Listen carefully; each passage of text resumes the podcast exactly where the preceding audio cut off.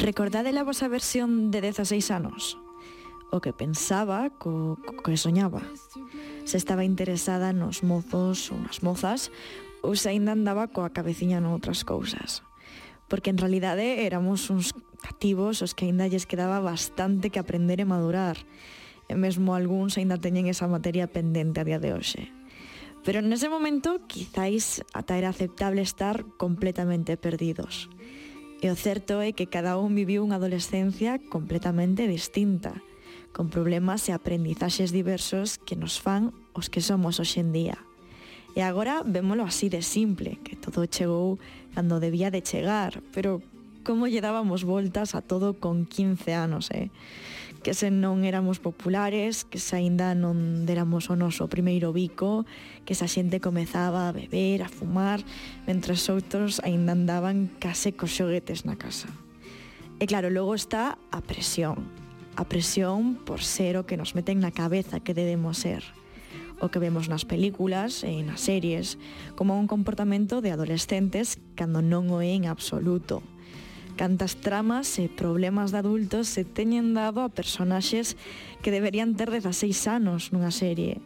Dende Gris, con adolescentes que semellaban ter 40 anos, ata hoxe en día seguimos romantizando os excesos da adolescencia, atribuíndolles unhas características e tendencias a rapaces que ao final de contas son cativos e logo sorprendémonos porque é que cada vez comezan antes. As series de instituto eh, son ese grande inimigo no que sempre hai un cast de actores e actrices de 20 e pico, senón 20 e moitos anos, facendo de rapazada. E se ben é certo que hai casos nos que si semellan da súa idade, como en Skins, enda que quizás Skins non sexa o mellor exemplo para o que quero dicir. O certo é que vemos tramas e problemáticas que quizáis corresponderían máis á universidade que os anos do instituto porque se ben é certo que o desexo e certas necesidades de ocio xorden na adolescencia, non é normal que en Élite, en Euforia, Física ou Química, Pretty Little Liars ou mesmo en Gossip Girl os menores pasen o día deitándose uns con outros, bebendo e drogándose, como se isto fose o máis normal. E se falamos de élite, como non falar da excesiva sexualización de que se fai dos, das súas personaxes, que sendo menores, todos levan unha vida de despasamentos digna do maior playboy, se mencionar xa as tramas máis escuras das que non penso falar. Venga, outro, que ya que la hemos pagado... 200 pavos por una botella me parece morada. No, es caro nada más.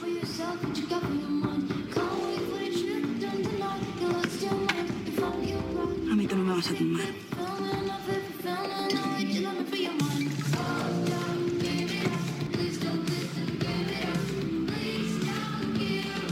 ¿Puedo hacerte una pregunta? Perdí mi virginidad a los 14. Es eso lo que me querías preguntar, ¿no? Es el tipo de preguntas que atraigo normalmente. No sé por qué. tuviste algo que ver con el asesinato de Marina? E isto é eh, quizáis do máis suave da serie, que non debe ter un só capítulo sen unha escena sexual desenvolvida, por certo, por rapazas vestidas de colexialas sexys, que ata que punto non romantiza isto certos desexos que xiran en torno a pedofilia. En fin, isto non é algo tan raro. O mesmo acontecía en Gossip Girl Eh, e tamén en Pretty Little Liars, serie malísima, pero que forma parte da memoria colectiva na que as rapazas, aínda que estaban no instituto, vivían vidas de adultas con asasinatos, independencia absoluta dos pais e mesmo nos vendían que os pais de área eran os malos por non deixar aliarse co seu profesor de instituto. E todos lle dábamos la razón a área, porque nunca o vendían como unha relación problemática. Anteriormente en Pequeñas Mentirosas, ¿dónde están Ali y Spencer? ¿Ali? Se ha ido. desapareció y sigue presente. Déjame conocerte. Yo también quiero conocerte. El nuevo profesor está buenísimo. No es posible.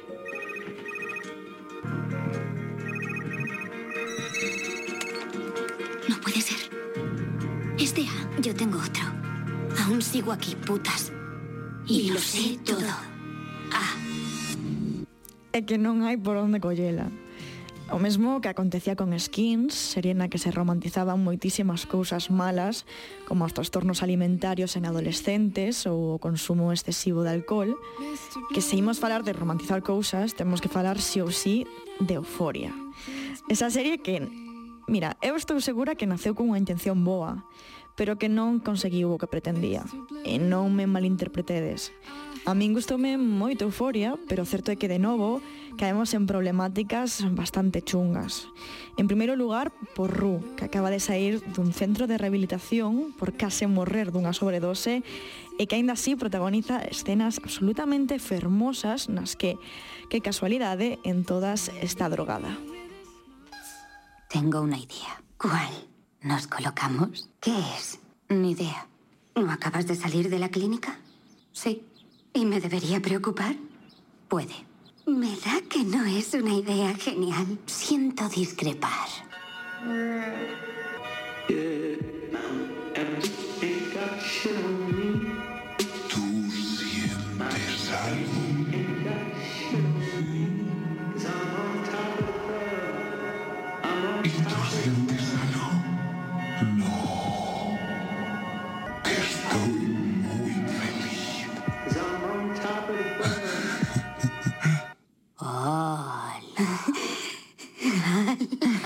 Está mal decirlo.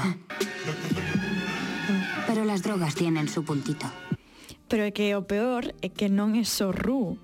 Nesta serie, Maddie e Cassie toman Molly e Cristal, a cantidade de alcohol que se bebe non é normal, as tendencias BDSM de Jules, e mesmo a sexualización de Kat para aceptar o seu corpo mediante vídeos porno, sendo ela menor e que algo que non se vende como algo terrible, senón como algo común co que os mozos podemos empatizar. E que dicir de outra serie, vamos, icónica, física ou química. Esa serie que meus pais ni me deixaban ver cando era pequena, e con razón, porque era brutal nas súas tramas e que mesmo ao final matan a un dos personaxes. Que mira, perdoade polo spoiler, pero que xa pasou fai bastante tempo.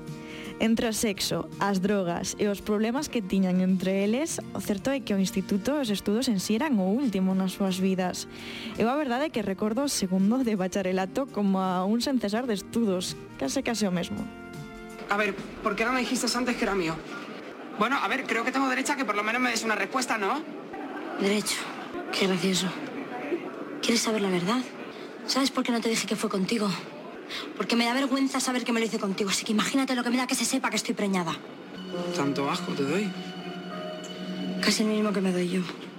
Toma.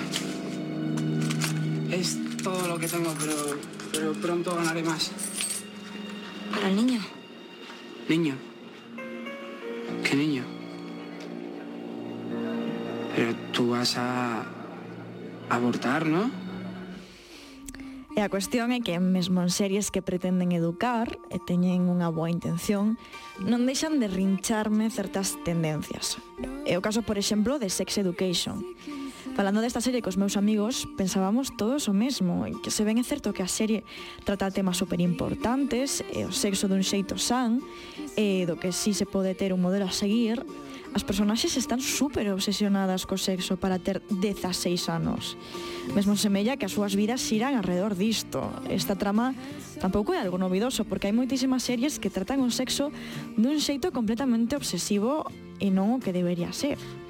Que ao final todas estas series deberían mostrar estas personaxes, pero tamén as que aínda non creceron tanto, as que tiñamos a cabeciña nos libros e medo a non encaixar as que consumíamos esas series e non nos víamos representadas coa presión extra que isto supoñía as que nos apuramos a facer cousas para as que non estábamos preparadas, porque era o que tocaba e para que, as, que aínda hoxe estamos crecendo. Que o Instituto non é unha orxía, un desfasamento e que as nosas fillas deberían ter tempo para crecer sen sentirse fora. Que deixemos as nenas ser nenas porque xa terán tempo para ser adultas.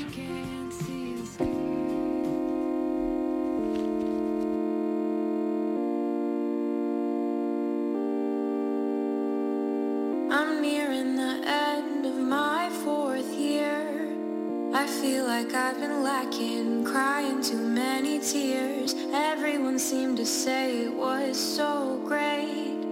But did I miss out? Was it a huge mistake? I can't help the fact I like to be